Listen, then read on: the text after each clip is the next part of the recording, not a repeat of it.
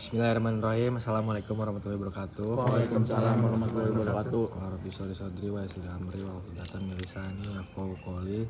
Pada kesempatan malam ini seperti biasa eh, rutinitas kita ya kan eh, nongkrong ngopi bahas yang yang menurut kita itu perlu dibahas tapi nggak tahu nih penting apa enggak ya kan ya mudah-mudahan bakalan bisa ada yang kita ambil gitu. Kesimpulan tetap di diri kita gitu.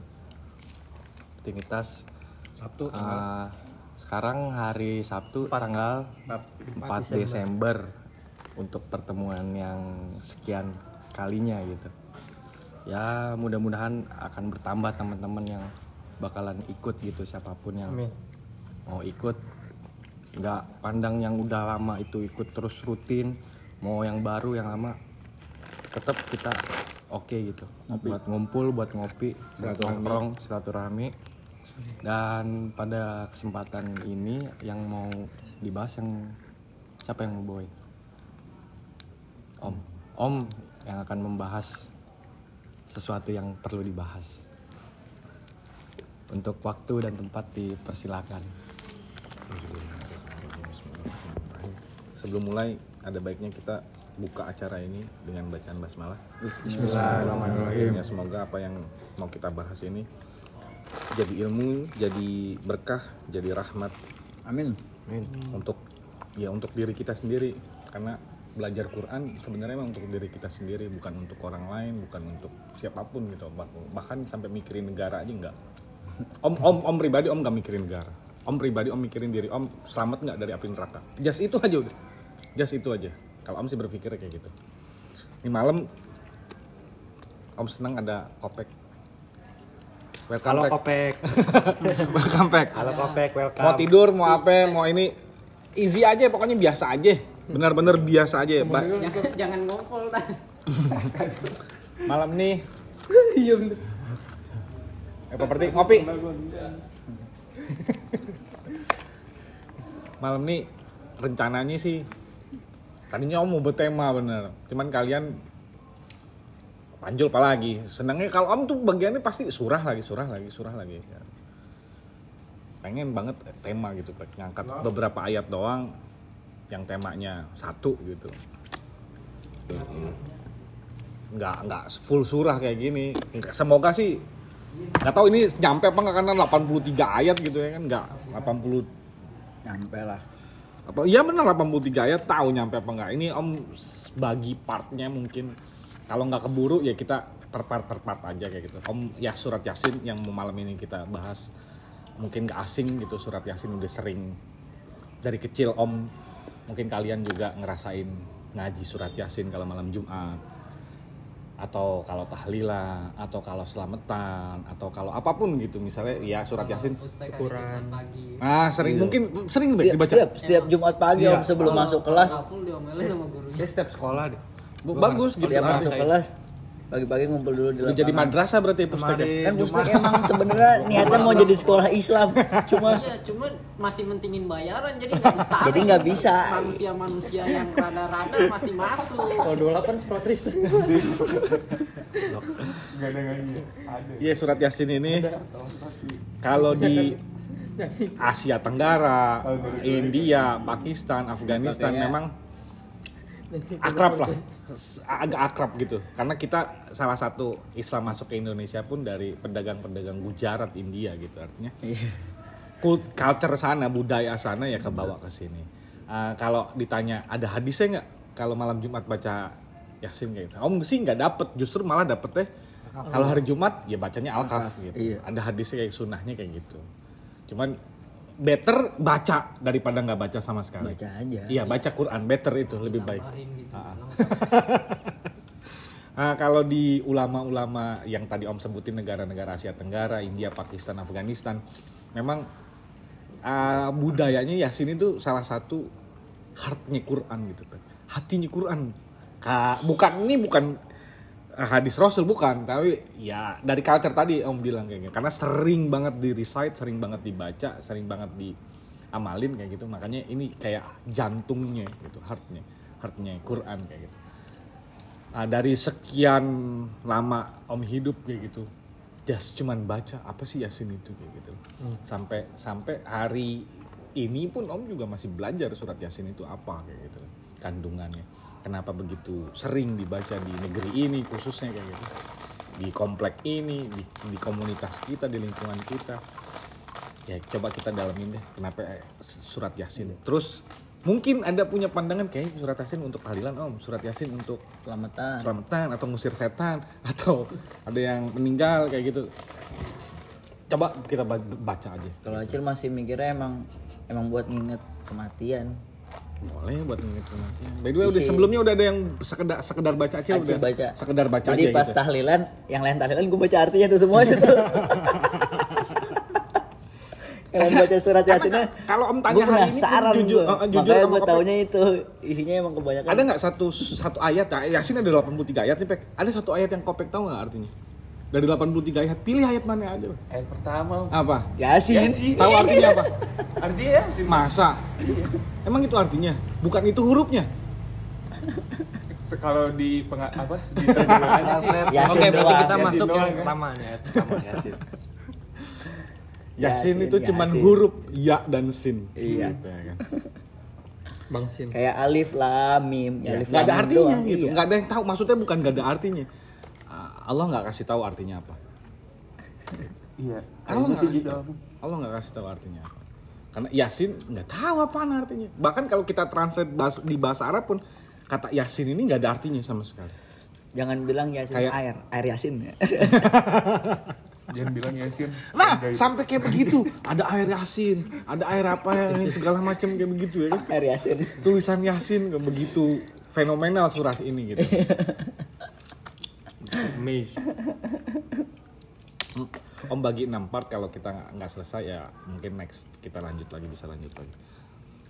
Bismillahirrahmanirrahim ini part 1 nih. Part 1. Kita coba. Jadi sebelum mau masuk Om mau cerita dulu. Yasin ini tur- su- turun di kota Mekah gitu. Di tengah-tengah Rasul sebelum migrasi ke belum hijrah ke Madinah, belum migrasi ke Madinah kayak gitu. Dan pengikut-pengikut Rasulullah SAW saat itu masih sedikit banget, sedikit banget. Belum dapat Hamzah, belum dapat Umar, belum, belum dapat Umar. belum dapat Umar. Masih kecil banget dan masih ketakutan. Abu Bakar dapat. Udah Abu Bakar Abu udah Bakar dapat. pertama kan. Iya. Dia langsung oh ya oke fine. Wasodako bil Ini yang gua cari gitu ya. Abu langsung oke. Nah kalau yang ini setiap Rasul dakwah dihina lagi, dibilang gila lagi, dibilang bohong lagi, dibilang terus kerasukan jin, pokoknya dihina terus kayak gitu. Dan ketika di kayak gituin, Allah kasih lagi ayat, Allah kasih lagi ayat, Allah kasih lagi ayat, malah di malah terus dakwah, terus terus digeber-geber terus kayak gitu. Malah Artinya kan mantap dakwahnya. ya ada something sesuatu kayak begitu. Nah di surat Yasin ini Islam baru berkembang, baru masih kecil, masih kecil banget karena di awal-awal ini surat-surat termasuk surat-surat awal yang turun gitu di kota Mekah. Ini nyeritain bagaimana Rasulullah dakwah itu ketemu suku yang ketemu bangsa yang bener-bener batu keras kepala sombong kafirnya berlebihan banget bener-bener udah togo gitu melampaui batas kayak gitu ya. Udah opek kafirnya. Padahal padahal Allah deskripsiin Quraisy itu, nah Allah deskripsiin di, di, di surat ini juga Allah deskripsiin bahwa mereka itu sebenarnya cuman ya insignifikan, nggak ada artinya sama sekali, nggak ada artinya sama sekali. Lu si Kobel nih dia nitip salam ke yang hadir, sorry nggak datang. Apa kebel? Dia gantiin bapaknya Ronda. Sip, Sama lanjut. gue juga ntar ronda. Makanya ketika ayat ini turun, pertentangannya makin banyak ya. Bener-bener makin banyak. Allah nurunin surat Yasin ini pertama Yasin Bismillahirrahmanirrahim Yasin wal Qur'anil Hakim ayat keduanya demi Al-Qur'an yang penuh hikmah. Jadi di sini ada sumpah Allah lagi. Biasanya gini nih, ini salah satu klupek. Kalau ada surah yang pertamanya nggak ada artinya kayak Yasin gini, just huruf ya dan sin, alif, lam dan mim kayak gitu ya kan ke ayat keduanya itu pasti tentang Al-Quran. Pasti tentang Al-Quran. 99% om bilang pasti tentang Al-Quran. Karena Allah, gini, Rasul kan nggak bisa baca ya, nggak bisa nulis. Jadi ketika Rasul dapat uh, uh, umi bener-bener umi gitu. Iliterasi kalau bahasa Inggris. Umi apa? Umi itu, Itu nggak iliterasi, bisa nggak bisa baca. baca, nggak bisa Oh, iya, nulis. Nah, buta huruf dan buta ya buta nulis, nggak bisa ngapa-ngapain kayak gitu. Jadi ketika Rasul lagi recite, lagi dapat wahyu terus Yasin, orang-orang kaget, "Ini orang tahu huruf." Gitu. iya kenapa? Masyarakat masyarakat Makkah saat itu tahu Rasulullah Itu nggak bisa, bisa baca, baca, dengan nggak bisa nulis. Tapi gitu. Jadi ketika ngomongnya, mm-mm. jadi ketika Yasin kayak "Nih, lu ngomong apa ya? nggak jelas lu kayak gitu kayak lu ngerti aja emang lu bisa ngerti emang lu bisa nulis emang lu bisa baca gitu. Oh mereka pun nggak tahu Yasin itu apa. Nggak tahu. Cuman tahu oh ini ya. ada huruf dan ya dan sin jadi Oh. seolah-olah memang Rasulullah di Tahu dari mana? Ini tahu dari nggak mana Tahu yang bisa baca tulis. Yasin eh, kependekan dari nama-nama Allah dari Zaid bin Aslam Hmm. yang kalimatnya itu kepanjangan dari Ya Sayyidal Bashar yakni Nabi Muhammad sendiri Ya Ya karena dia yang pertama kali ngucapin saat itu. Ya Saidal Basar ah Yasin itu kependekan Heeh. singkatan. eh singkatan maksudnya tapi kalau Allah mau panjangin kenapa Allah nggak panjangin Ya, Kenapa? tahu ini tafsir dari Zaid bin Aslam Iya. Ya tafsir banyak lah Iya, tafsir memang banyak kayak gitu. Kita fokus ke ayatnya. Ah. Buat Om Yasin susah ditafsirin. Kalau buat Om, Alif Lam Mim eh, juga. Alif Lam Mim, Gitu. eh, kayak gitu. Makanya Yasin, Alif Lam Mim, Zalikal Kitabu la roiba fi hudalil muntakin. Ngomongin Quran nih. Gitu. Ini buku udah turun, ini petunjuk udah turun, ini guidance udah turun. Ya untuk nyelamatin. Hmm. Makanya ketika Allah ngomong huruf ja- jas huruf kayak gitu. Toha Ma angzalna alaikal Qur'an alitasko Iya. tentang Quran. Quran. Jadi kahaf ain sot kayak gitu. Surat Maryam kayak begitu.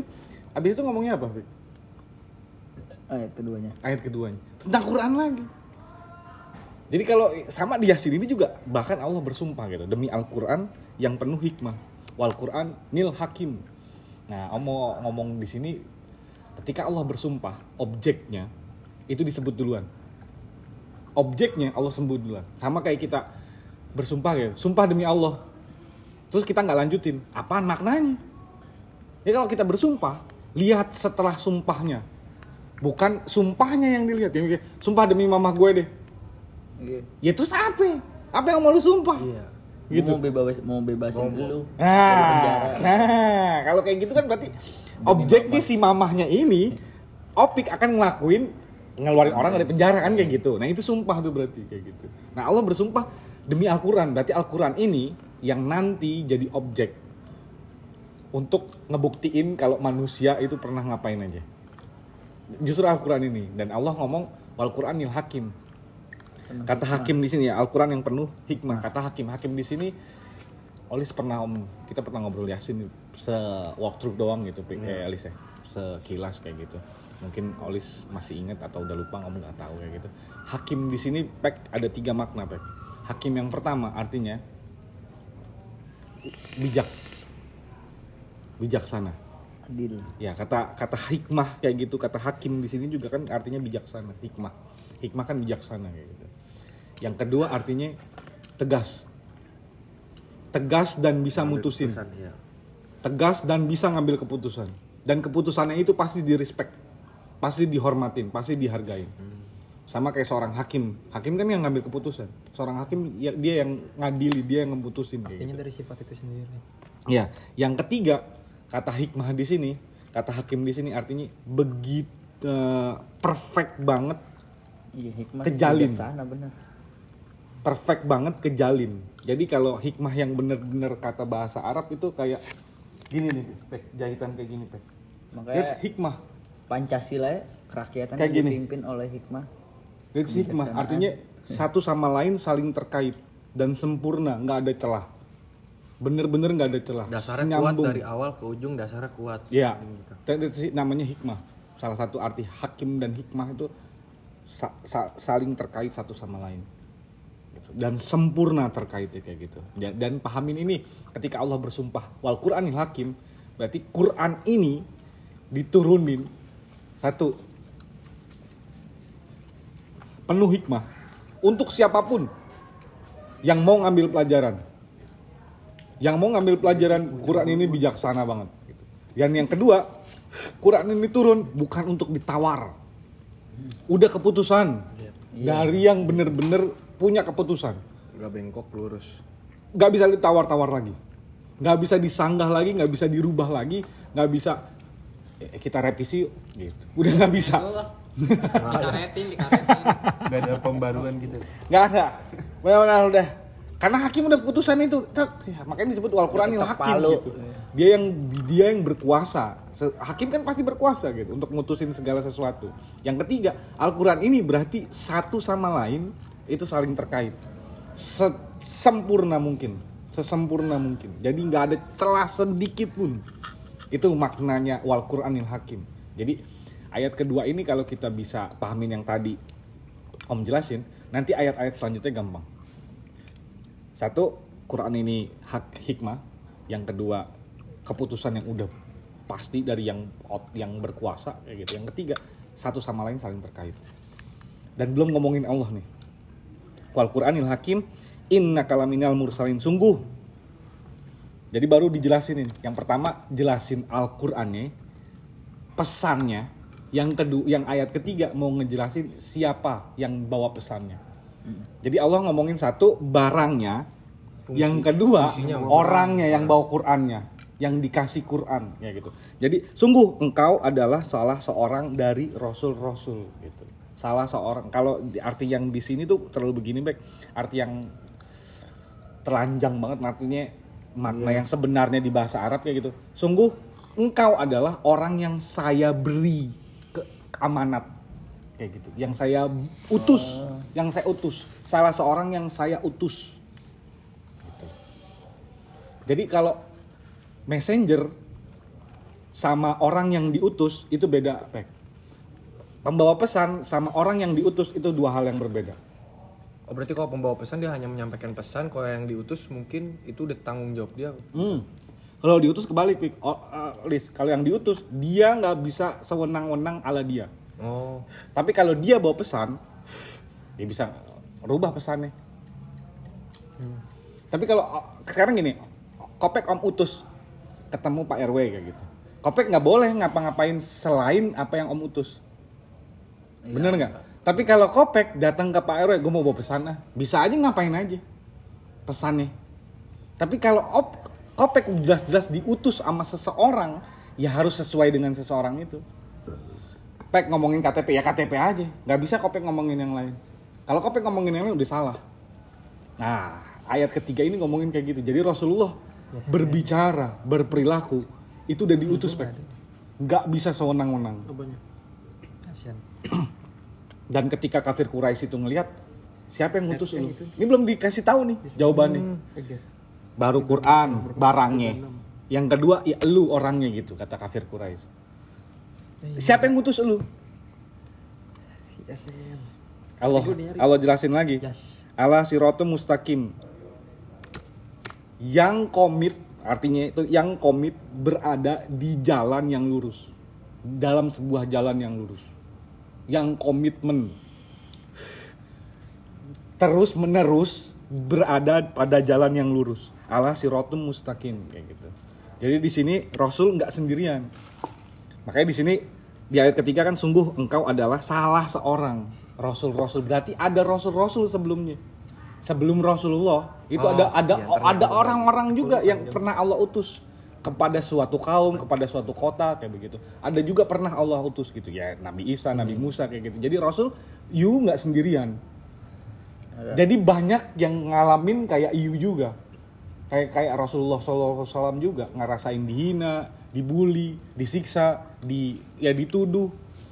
Banyak juga pek. Makanya Allah confirm gimana ya nyamanin Rasul supaya Rasul ya Rasul lu tuh nggak sendirian, lu sama kayak brother-brother yang lain. Gitu. Artinya mursalin di sini ala sirotum mursalin kayak mursalin tuh artinya brotherhood salah satu maknanya juga saudara orang-orang yang diutus Jalan. mursalin orang-orang yang diutus mursalin kayak gitu mereka nanya lu diutus sama siapa lu komit di jalan yang lurus lu diutus sama siapa? Nah Allah jelasin di ayat kelima tangzilal azizir rahim nah inilah yang mengutus rasul. Al aziz dan ar rahim gitu. Allah pakai nama Aziz di sini. Wahyu yang diturunkan oleh Allah yang maha perkasa yang maha penyayang. Jadi yang berhak ngutus itu harus satu yang paling berkuasa. Makanya Allah ngomong pakai di sini pakai kata Aziz. aziz yang maha perkasa jadi kalau Allah pakai ya gofur masa yang maha pengampun yang ngutus? Dari pemilihan nama Allah aja Quran di ayat ini udah keren gitu. Allah punya 99 nama gitu tapi di ayat kelima ini Tanzilal Azizir Rahim jadi yang ngutus kamu ya Rasul kayak begitu. Yang maha berkuasa. Jadi kamu nggak perlu validasi dari yang lain. Siapa yang ngutus lu? Siapa yang ngirim lu? Ngapain lu bicara kayak gini? Kayak gitu. Ini wahyu lu asal jeplak kayak gimana? Enggak. Ini tanzilal azizir rahim dari Allah yang benar-benar maha perkasa. Nomor satu itu bentuk perkasanya Allah itu di kita ngeliatin di ayat kedua lagi wal Qur'anil hakim hakim Allah. Allah yang power Allah yang punya keputusan Allah yang bisa menghukum juga. Gitu. Allah juga yang nurunin Quran penuh hikmah ini. Allah juga yang nyatuin semuanya. Kayak begitu. Nah bentuk rohimnya sekarang gini Quran itu bentuk tanzilal tanzilan nih. Dari kata perkasanya Allah Pak. Quran itu bentuk keperkasaan Allah nurunin petunjuk nurunin guidance ke manusia kayak gitu. Bentuk rohimnya Allah tanzilal azir rohim rasa sayangnya Allah kayak gitu yang maha penyayang kayak gitu. Diutus seorang rasul. Coba kalau yang diutus ya malaikat. Nanti kopek ki om bahkan sendiri. Gue nggak ngerti bahasa malaikat gue nggak ngerti bahasa jin. Gue nggak ngerti bahasa yang lain. Tapi justru Allah ngutus bener-bener manusia biasa. Jadi supaya apa? Supaya kamu bisa ngikutin dia. Supaya kamu bisa ngikutin. Jadi kalau hari ini nih om pengen ngomongnya kayak gini pak. Ah sunnah kayak gitu kan cuman rasul yang bisa ngerjain. Kita mana bisa ngerjain? Itu tuh kayak bentuk kayak begitu Jul hari ini. Setelah belajar ini. Ya tanya lagi ke diri sendiri kayak gitu. Rasul juga manusia. Berarti lu manusia om manusia Rasul manusia. Ketika manusia itu bisa kenapa om nggak bisa? Gitu loh. Allah nurunin ini kan manusia untuk diikutin gitu coba kalau Allah nurunin malaikat. Malaikat puasa 50 jam. Eh dia mah 50 tahun juga. Nggak kelihatan juga caranya gimana. Nggak bakal kelaparan. Ya Gitu. fotosintesis saja kenyang. ya kan dia, dia mah nggak punya nafsu Nah, Acil nanti ber, Acil nanti kayak begitu. Kalau malaikat yang ngajarin ber- berpuasa coba, Acil nanti pasti bilangnya, ya dia kan Allah cipta, ya Allah, kamu ciptain malaikat dari nggak pakai nafsu nggak pakai nafsu kayak gitu. Ya dia bisa lah berpuasa lah kalau gua. Makanya diutusnya Rasul, bentuk rohimnya Allah, rasa sayangnya Allah ke manusia yang lain. Eh, ada manusia nih yang biasa aja, bahkan nggak bisa baca tulis, Sama bisa berbuat baik. Ikutin aja. Ikutin aja. Ikutin Quran itu dari Aziz yang maha perkasa. Bentuk rohimnya Allah. Just cuman ngikutin human, manusia.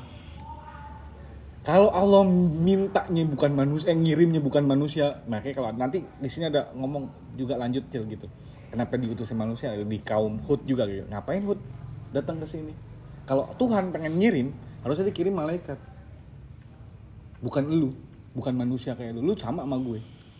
Justru itu karena sama itu lu artinya bisa ngikutin gue. Coba hari ini kayak Harusnya bisa seperti itu gitu. Iya kan sama-sama manusia. Gitu loh. Pak. Coba kalau Kopek suruh ngikutin jin, mana bisa?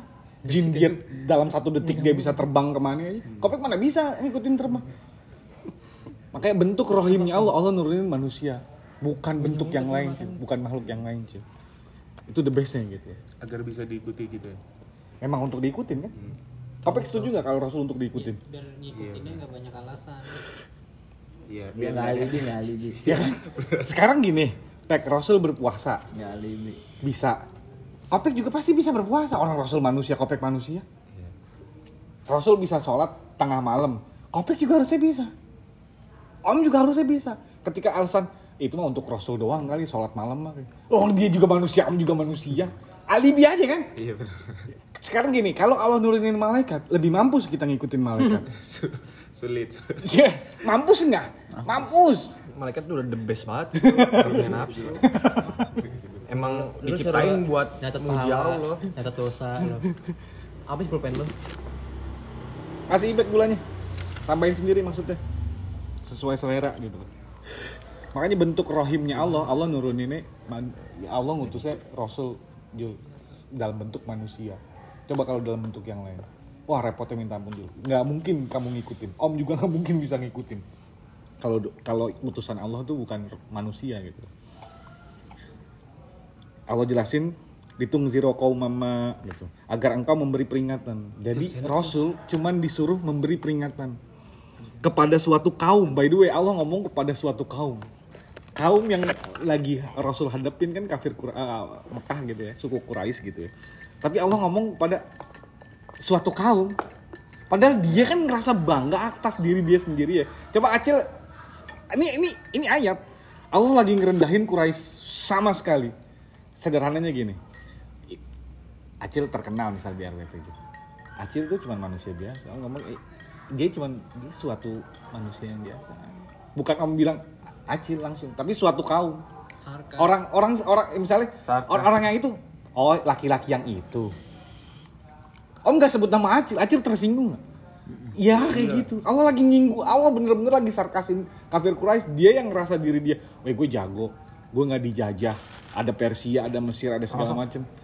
Suatu ya. Iya, Ini nih. Iya, iya, lu cuman begini. yang, Lu yang diomongin kaumnya doang nggak pakai nyebut Quraisynya. Oh iya. Makanya suatu kaum, jadi suatu kaum. Gitu. Kaum yang mana? Ya yang mana aja.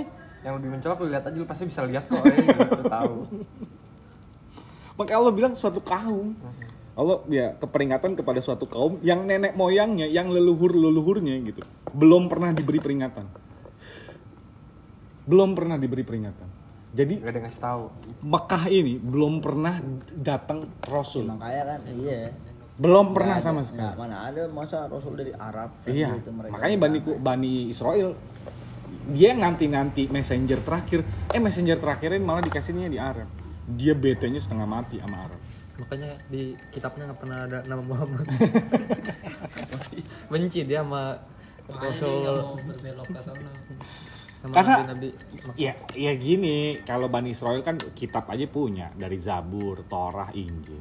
Ini Mekah, ini Arab gitu, secara keseluruhan Mekah especially gitu, nggak pernah dapat Rasul, nggak pernah dapat Nabi, nggak pernah dapat kitab. Jadi nggak pernah diberi peringatan sama Allah sebelumnya memang. Dan suku ini terlalu sombong, padahal nggak ada apa-apanya. nggak ada apa-apa. Dan dia sombong cuma di kota dia dong sekarang gini pek.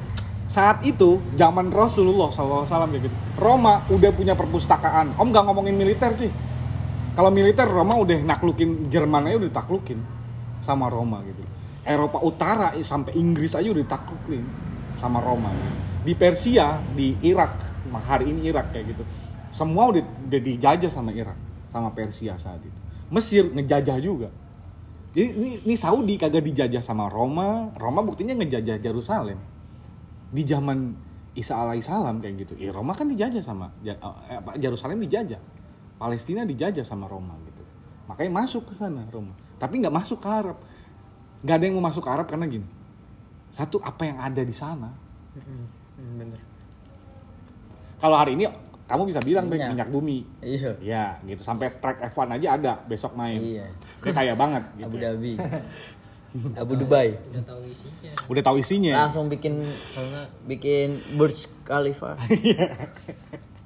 sekarang jadi negara mantap ya Ya Qatar buktinya bikin Piala Dunia, terus sampai dimundurin. Om sejarah Piala Dunia, eh, yang Om tahu gitu, sepak bola sejarah Piala Dunia, nggak pernah main di bulan Desember, iya iya nggak pernah main di bulan Desember. Seingat Om main bola nih, back namanya Piala Dunia, nggak pernah main di bulan Desember. Ini karena Qatar punya duit, back. Dan alasannya dia sederhana. Sebenarnya dia punya duit. Kalau main di Juni Juli panas cuy. Musim musim panas lagi panas-panasnya. Pindahin aja ke Desember, lagi musim nggak terlalu panas, lagi musim suhu paling rendahnya gitu loh. Dan gue punya uang untuk ngebangun fasilitas yang nyaman kok buat pemain-pemain Eropa main di sana. Basicnya uang memang. Hari ini negara-negara ya punya uang. Saat itu, Lis, minyak belum ditemuin. Maksudnya minyak bumi gitu ya kan. Siapa yang mau jajah orang gurun pasir? Roma berpikir gini, eh maka mah leave it alone aja juga mati sendiri. Iya. Oh, saat itu ya. Iya. Iya, belum ada haji. Duitnya dari mana? Kalau hari aja. ini Arab Saudi ada haji gitu ya kan. Assalamualaikum. Assalamualaikum. Waalaikumsalam. Om ini bearing kanan kirinya apa namanya kanan kiri apa satu aja? Ah, kanan yang ada crank yang ada cranknya dua, yang nggak ada crank satu. Lagi ada telepon ya. Ini apa namanya yang mau dibenerinnya soalnya yang kanannya nih yang udah dicopot bearing dalamnya hancur. Oh, suruh ganti aja kalau ganti kalau hancur mau. Yang nenek moyangnya belum per- belum pernah diberi peringatan Pek karena itu mereka itu nggak punya petunjuk sama sekali. Lalai di sini. Clueless, nggak ada guidance, nggak ada apa dan mereka sombong cuman gara-gara puisi doang. Saat itu ya, Roma udah punya library. Yunani udah punya keren banget. Bahkan udah nulis Bible. nulis Bible Yunani. Yunani, Roma udah establish Nasrani, Yahudi udah establish agamanya kayak. Persia, wah tentaranya keren banget. Roma aja buktinya nanti ditaklukin. Serius, Roma nanti ditaklukin sama Persia. Tapi Quran juga ngomong nanti 10 tahun kemudian dibalik comeback. taruhan. Dan itu belum kejadian loh, Bek. Jadi Rasul ketika ada ayatnya surat Ar-Rum. Jadi di surat Ar-Rum itu ngomong ketika Persia naklukin Roma, tuh ayat turun. Tahu nggak yang dibilang ayat itu turunnya? Nanti 10 tahun lagi dia menang. Terus apa? Rasul diketawain sama seluruh Mekah. Sampai ada taruhan. Umar ya Semua bahkan ini ini side story. Om ngomongin ayat. Ada side story-nya gitu, ada story selain ayatnya ada hadis-hadis atau kisah-kisah yang lain kayak gitu. Om ngomongin ayatnya, Pak. Orang-orang pada "Ih, gu- Rasul gila apa gimana? Kayak gitu. Rasul bukan Rasul yang ngomong, tapi Allah yang ngomong. Cuman pakai mulut Rasul. 10 tahun lagi bener kejadian. Pak. Persia dibombardir abis-abisan sama Roma rata. 10 tahun percis Quran ngomong. Padahal se- Sehari ini belum kejadian. saat itu belum kejadian. Bahkan pas ayat itu turun, Roma baru dihancurin sama Persia. Roma baru kalah Baru kalah total. Sampai di, di sampai di Vatikan nih Stadion Olimpico Roma tuh punyanya Lazio, punyanya AS Roma gitu. Itu rata, Pek.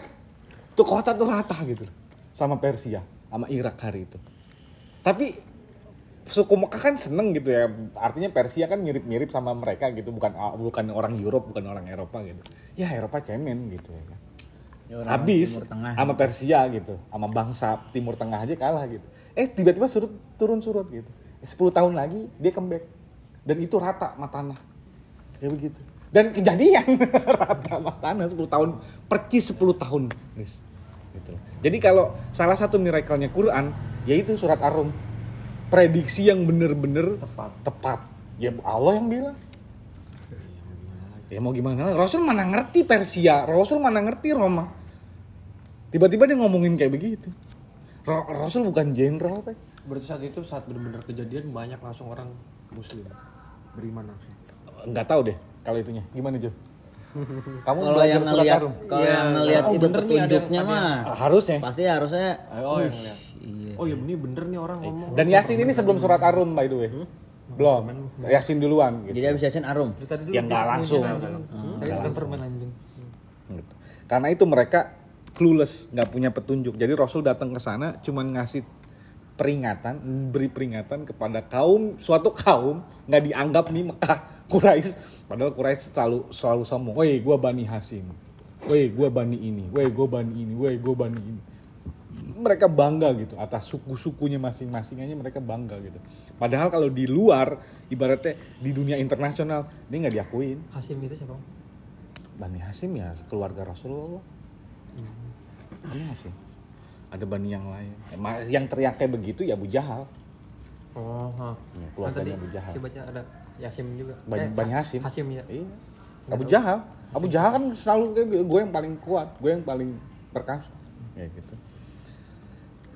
Sungguh pasti berlaku perkataan terhadap kebanyakan mereka karena mereka tidak beriman. Jadi hakol qaulu ala aksarihim fahum la yu'minun. Sungguh pasti berlaku perkataan terhadap kebanyakan mereka. Jadi perkataan tuh maksudnya hukuman-hukuman Allah. Azab-azab Allah tuh ke mereka yang udah ngina Rasul, yang udah bilang Rasul ya gila segala macem. Padahal Rasul datang itu cuman ya ngasih peringatan dong. Tapi by the way memang kenapa sulit cil gini loh.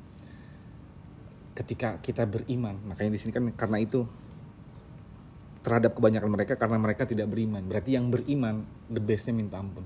Karena untuk beriman gitu ke Allah, habis ke Allah ya ke Rasul. untuk beriman nggak hanya oke gua fine gua ngaku lu jadi rasul gitu tapi full entire hidup kita diatur sama rasul percaya nggak Pek kalau kalau kita udah bilang iya asadu anna Muhammad Rasulullah ketika rasul punya aturan main ya kita harus ikutin. Memang begitu aturannya. Dari zaman Nuh harus diikutin. Bahkan cara kita bicara cara ini cara ini cara ini. Makanya tadi Olis bilang sampai penitinya aja. Mungkin. Kayak begitu. Mungkin dia dia pengen total gitu Dis. ngikutin kayak gitu. Eh, memang Allah juga berharapnya total. Nggak setengah nggak pilih-pilih nggak tiga perempat atau berapa kayak gitu sungguh kami telah memasang belenggu. Nah ini dia.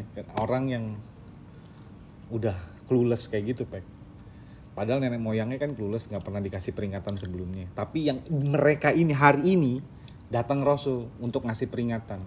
Tapi tetap didustain tetap didinai tetap disangkal tetap dialibiin kayak gitu. Makanya Allah pasang belenggu di leher mereka. Lalu tangan mereka ke dagu tangan mereka tuh diangkat ke dagu karena itu mereka terengadah jadi berasanya itu kayak begini ya kayak begini aja. Jadi dipasang belenggu nih di leher mereka nih terus tangan mereka. Ya, jadi seolah-olah kayak begini. Orang yang kayak begini keadaannya lagi di mana pek? Yang dipasang belenggu di leher. Gitu disiksa. di di, penjara. yes di penjara. Oh, biasanya di penjara kayak gitu. Dia dalam keadaan sombong. Eh, itu itu tafsirannya Dia- juga oh, bisa. tafsiran. iya.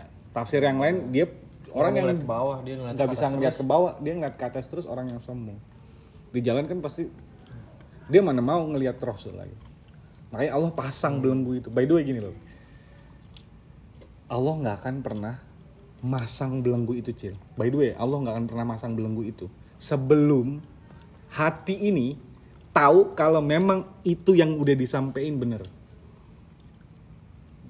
Jadi nggak ada misalnya dia belum pernah baca Quran dan dia belum dikasih tahu Quran dia belum ini belum segala macam. Dia masih murni gitu. Allah pasang belenggu ke dia supaya dia nggak beriman. Allah nggak akan kayak gitu. Allah pasang belenggu itu kepada siapa pun Emang udah- yang udah ditahu kebenaran. ya udah tahu kebenaran. Dan hatinya bilang ya itu memang benar cuman gue nggak bisa. Kayak begitu. Nah Allah dia langsung pasang belenggu yang kayak begitu. Udah, jadi ini berarti banyak ya yang mulai kayak gitu gitu secara enggak di muslim pun begitu iya jadi nggak menutup untuk ini ke yang ke- artinya ke siapa aja ini mah yes betul betul yang Pak. pasang. jadi Allah di Al-Fusilat 53 Allah yang benar-benar ngasih tanda-tanda ke semua penjuru kepada setiap manusia. Jadi Allah tugasnya. Itu benar-benar tugas Allah kok, bukan tugas Rasulullah. Yang benar-benar ngasih tanda-tanda. Rasul cuman ngasih peringatan doang. Apalagi kita, ya cuman ngingetin doang lagi by the way. Sesama teman, sesama Iya. sahabat, sesama ya tetangga. gitu. Just ngingetin aja. Kayak gitu. Nah, ketika kita orang yang udah ngerasa, oh iya, itu benar sebenarnya tapi nggak mau nah ini yang udah dipasang Pek. om ambil contoh gini deh Abu Talib Abu Jahal dua-duanya pamannya Rasul ya ya Pek, benar Abu Jahal kan pamannya Rasul eh Jo Abu Talib juga pamannya Rasul dua-duanya tahu nggak kalau ponakannya Rasulullah Tahu. Tahu. Tahu juga. Abu Talib tahu kalau Muhammad Ras Muhammad Rasulullah itu rasulnya Allah kayak gitu. Abu Jahal pun tahu. Tapi dua-duanya dinai nggak? Dua-duanya dinai. Walaupun yang satu baik. Walaupun yang satu baik ngelindungin Rasul, ngasih tempat tinggal, nyuapin Rasul waktu Care, kecil, merawat. care banget, sayang banget, bahkan jadi tameng. Rasul dihina, eh jangan, ponakan gue cuy. Yang satu pa, om pa, paman nih kayak gitu. Oh habisin. Lewat spy-spy yang lain nyuruh orang-orang yang lain. Basicnya dalangnya dia jahat kayak gitu. Dua-duanya pamannya Rasul. dia. Satu jahat, satu baik. Dua-duanya tahu kalau Rasulullah itu bawa Quran. Dua-duanya tahu kalau Quran itu bener. Dua-duanya tapi nyimpen itu nggak ngutarain, ngedinai itu. Dan dua-duanya bisa nggak ngucap la ilaha illallah Muhammad Rasul? Nggak bisa. Artinya apa? Mau baik, mau jahat, kalau kita udah tahu nih kebenaran tapi nggak mau ngikutin kebenaran, Allah yang tutup. Mau baik kayak Abu Thalib sekalipun. Om tanya, Kopek sama Abu Thalib, ini Om yang ngomong, Pek, bukan orang lain. By the way Om gitu loh. Lebih baik Abu Thalib ke Rasulullah dibanding Kopek. Om berani bilang itu. dia ngasih makan, dia ngasih tempat tinggal. Pek. Kalau ada orang yang pahalanya banyak, pek, andai dia beriman, pahalanya gede banget gak pek? Yalah, Ngelindungin nyuapin Rasul. Rasul. Care Kau banget pek pernah nggak nyuapin Rasul? Artinya kalau dia beriman, pahala dia gede nggak? Pastilah orang rawat Rasul. gitu. anak yatim juga Iya kan? anak yatim anak piatu setelah yatim piatu dirawat sama dia Hmm. diajak dagang Rasul berasa punya dua Jibril. Kenapa? Iya ngelindungin. Oh, Nih kirain lu mau bercanda. iya gue nungguin anjing Jangan Jibril bercandanya. Iya. Mau lu dibecandain sama Jibril? Nggak serius mau nggak? gue nungguin Saya sama bulu sama bulu sayapnya juga nggak tahu gede banget. oh, bulu sayap gue nungguin Artinya Pek, dia mau baik, dia mau jahat, perangainya, perilakunya. Kalau kebenaran udah nyampe ke dia, tapi dia nggak bisa nerima, walaupun dia bilang, emang itu benar, cuman gue nggak bisa ngelakuin itu. Ya udah Allah yang pasang. Nah, Allah masang belenggu kalau orang udah kondisinya kayak gitu. Udah dikasih tahu nih abis-abisan parah dan dia udah sadar gitu. Oh iya ya, gue salah.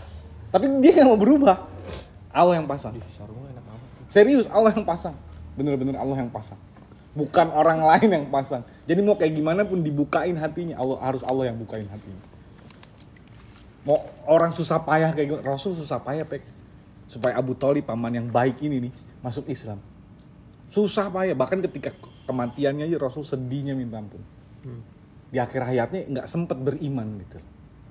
Makanya turun surat Al-Ghosiyah gitu. Fazakir inama antam zakir lasta alaihim bimusaitir. Ya ya Rasul sesungguhnya kamu cuma memberi peringatan. Urusan dia gitu kata Allah. Oh ngeri kan? Kalau urusan dia orang-orang yang kafir orang-orang yang dinai orang-orang yang ngedustain. Kata Allah biar sama gua. Gitu. Bukan sama lu lagi udah. Gitu. Lu cuma pemberi peringatan doang nah Allah pasang kayak gini Lis karena udah datang Rasulullah ke Mekah. Nenek moyang Mekah yang lain itu nggak dikasih petunjuk tapi nggak digituin sama Allah karena belum ada petunjuk sebelumnya. Sekarang petunjuk udah datang tapi mereka masih banyak yang deny banyak dari mereka nggak beriman tadi dia bilang kayak gitu. Akhirnya dipasangin belenggu. Di belenggu itu ya udah. Orang nggak bisa ngapa-ngapain. Mau dia beriman dia pengen ngucap berbohong untuk beriman aja dia nggak akan bisa bilang begitu. Iya, sekarang gini. Kopik tahu surat Al-Hab? Abu Lahab yang tadi Om bilang. Pamannya Rasul. Tabat yada Abi Lahab watab ma'agna anhu malhu wa makasab. Ini ayat 10 tahun sebelum Abu Lahab meninggal. Ayat udah turun. Ayat udah turun. Suratnya udah full turun. Abu Lahab buat Abu Lahab. Khusus surat buat Khusus buat dia. Tapi dia enggak. Dia dia enggak lah orang dia tinggal bareng. Iya. Tahu nggak Abu Lahab rumahnya di mana? sebelahan Next door. Tetangga. Next door bukan tetangga, Pek. Kalau tetangga ada batas. sebelah kontrakan sebelah Kalau kontrakan ada batas. Rumah dulu nggak ada batas. Oh jadi kamar sebelahan. Kayak kamar Olis sama kamar Ade Olis sebelahan. Nggak ada dinding ya, by the way. jadi satu Jadi apa yang terjadi di sebelah kedengeran. tahu ngelihat Tahu. Bahkan ketika anak Rasulullah laki-laki meninggal, ya, Abu Lahab selamatan. Swear. Pek. Makanya turun surat Al-Kautsar. Tiga ayat doang. Duka yang paling duka.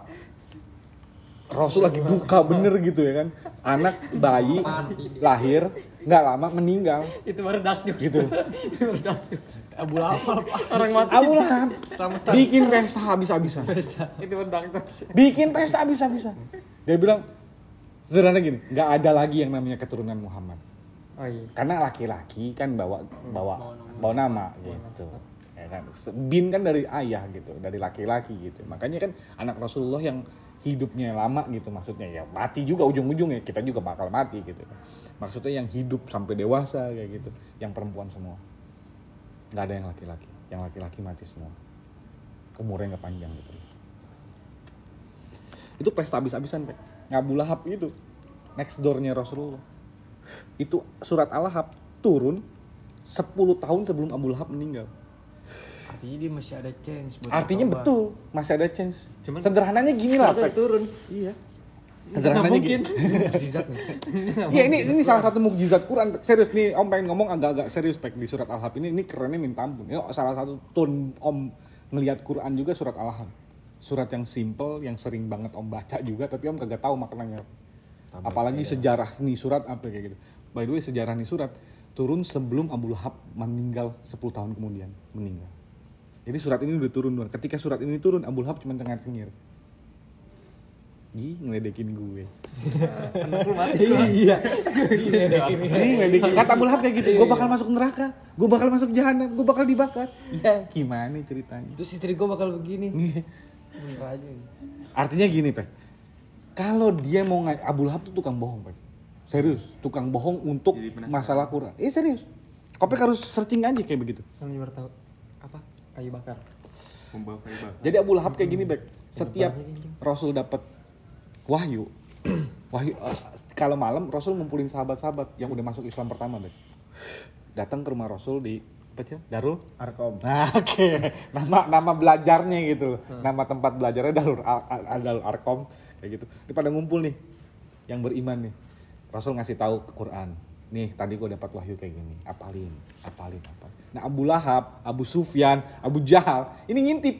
Nguping bukan ngintip. Jadi datang ke rumah se- Rasul sebelah gitu. Nguping. Ngedengerin bacaan Quran dari tiga arah yang berbeda. Abu Lahab di sini, Abu Jahal di sebelah sono, Abu Sufyan di sebelah sono. Ini abu-abu semua. Abu tuh artinya bapak gitu. Artinya orang-orang yang terpandang, orang-orang yang terhormat, status sosialnya tinggi, makanya dipanggil Abu. Gitu.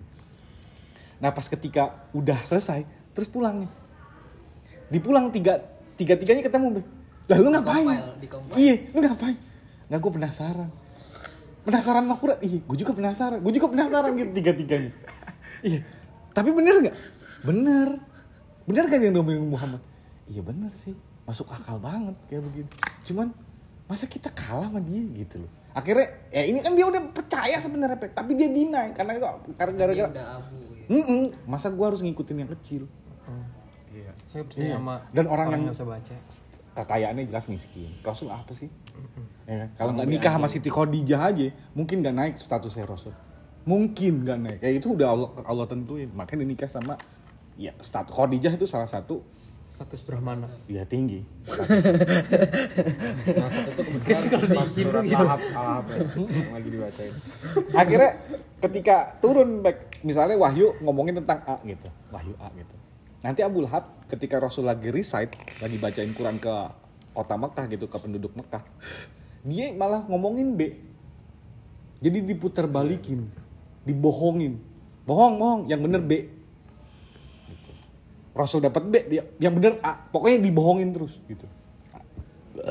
Besoknya ya udahlah kita dengerin lagi, besok dengerin lagi, ketemu lagi, eh bener nih, ya bener, cuman ah udahlah, udah pokoknya kita jangan nih ngedengerin lagi kayak begini nih. Pokoknya kita yang bener ya. Mm-mm, pokoknya kita yang bener. Jangan sampai dia yang bener. Kayak begitu. Malu lah. Kayak begitu. Besok nggak ada lagi nguping-nguping Gengsi kayak begini. Iya. gitu. Nggak- Besok nggak ada nguping-nguping kayak begini lagi kayak gitu. Oke fine. Nah, akhirnya sampai mereka bertiga bersumpah Pek. demi ibu kita katanya kayak gitu. Demi ibu kita nih bayangin ini tiga nih Abu Sofyan, Abu Lahab, Abu Jahal. Demi ibu kita kita jangan nguping lagi. Oke. Besok lagi. Besok malam Besok malam Abu Lahab nggak nguping Bek Abu Lahab memang nggak nguping.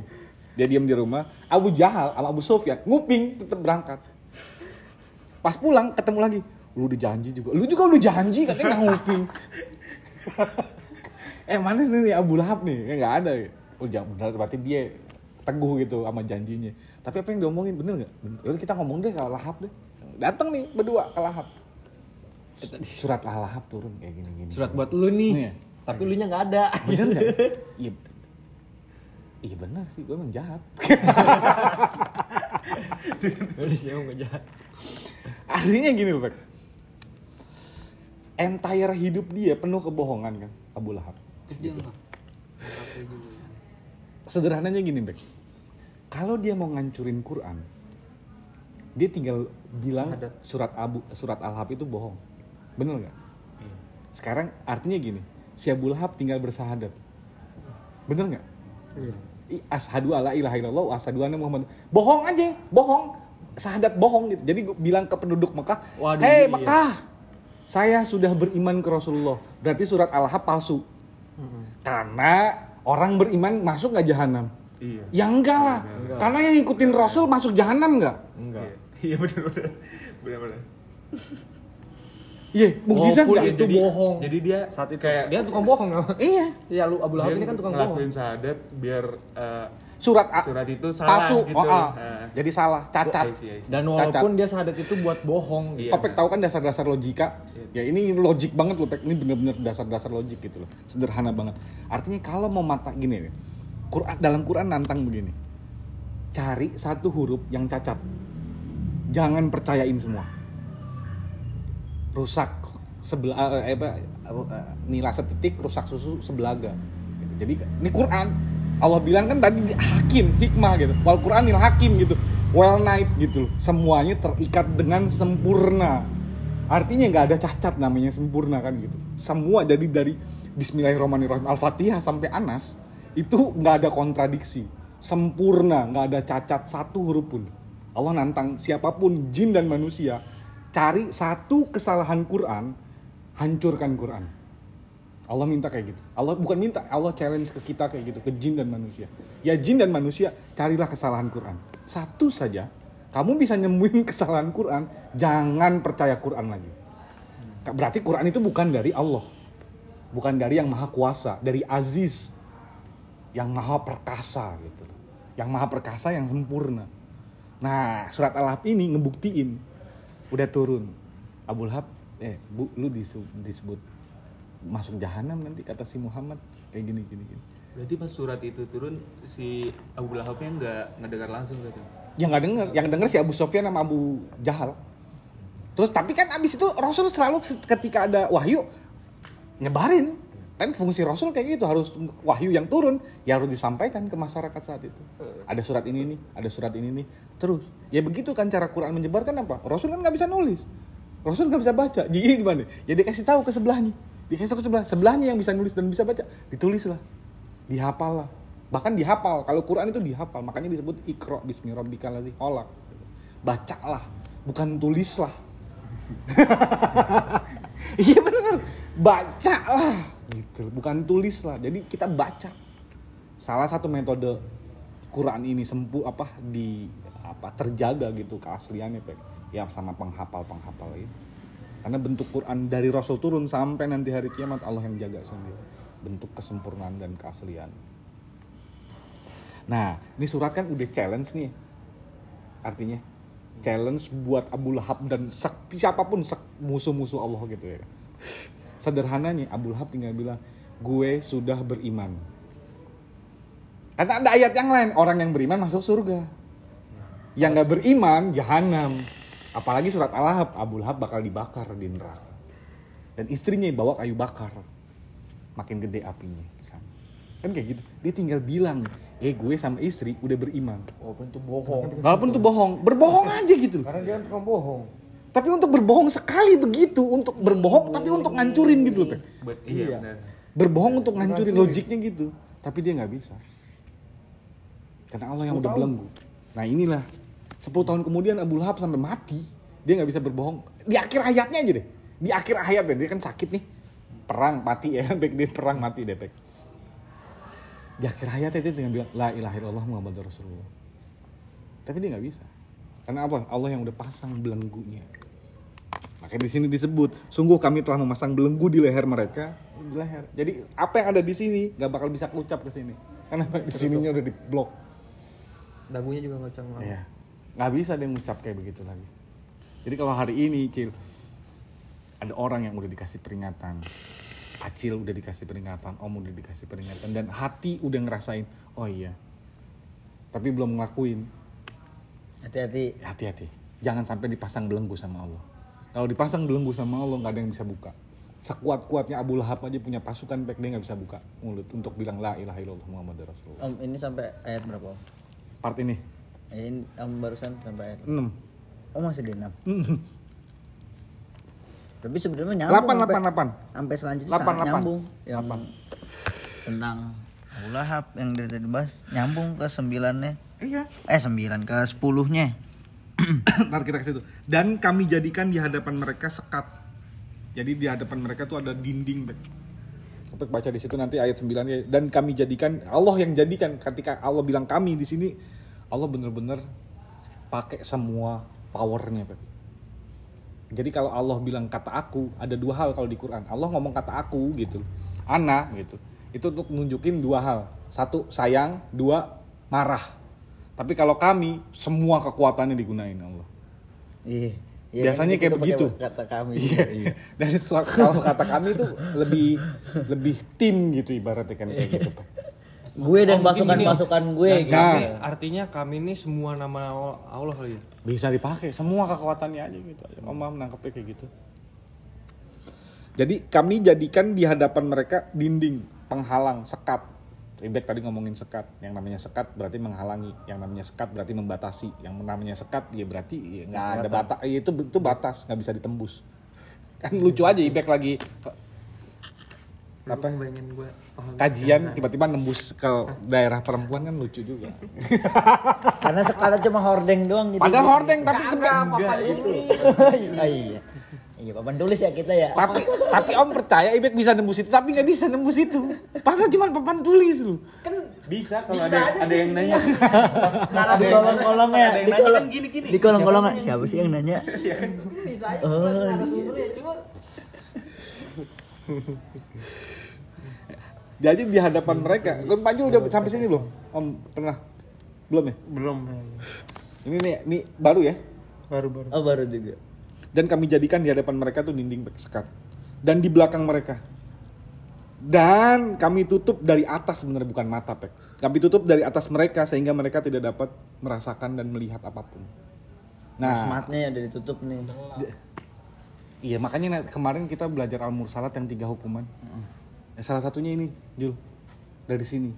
Orang-orang yang, ya by the way, definisi knowledge ilmu dari di Quran itu ada tiga jalur nih. Depan, belakang, atas.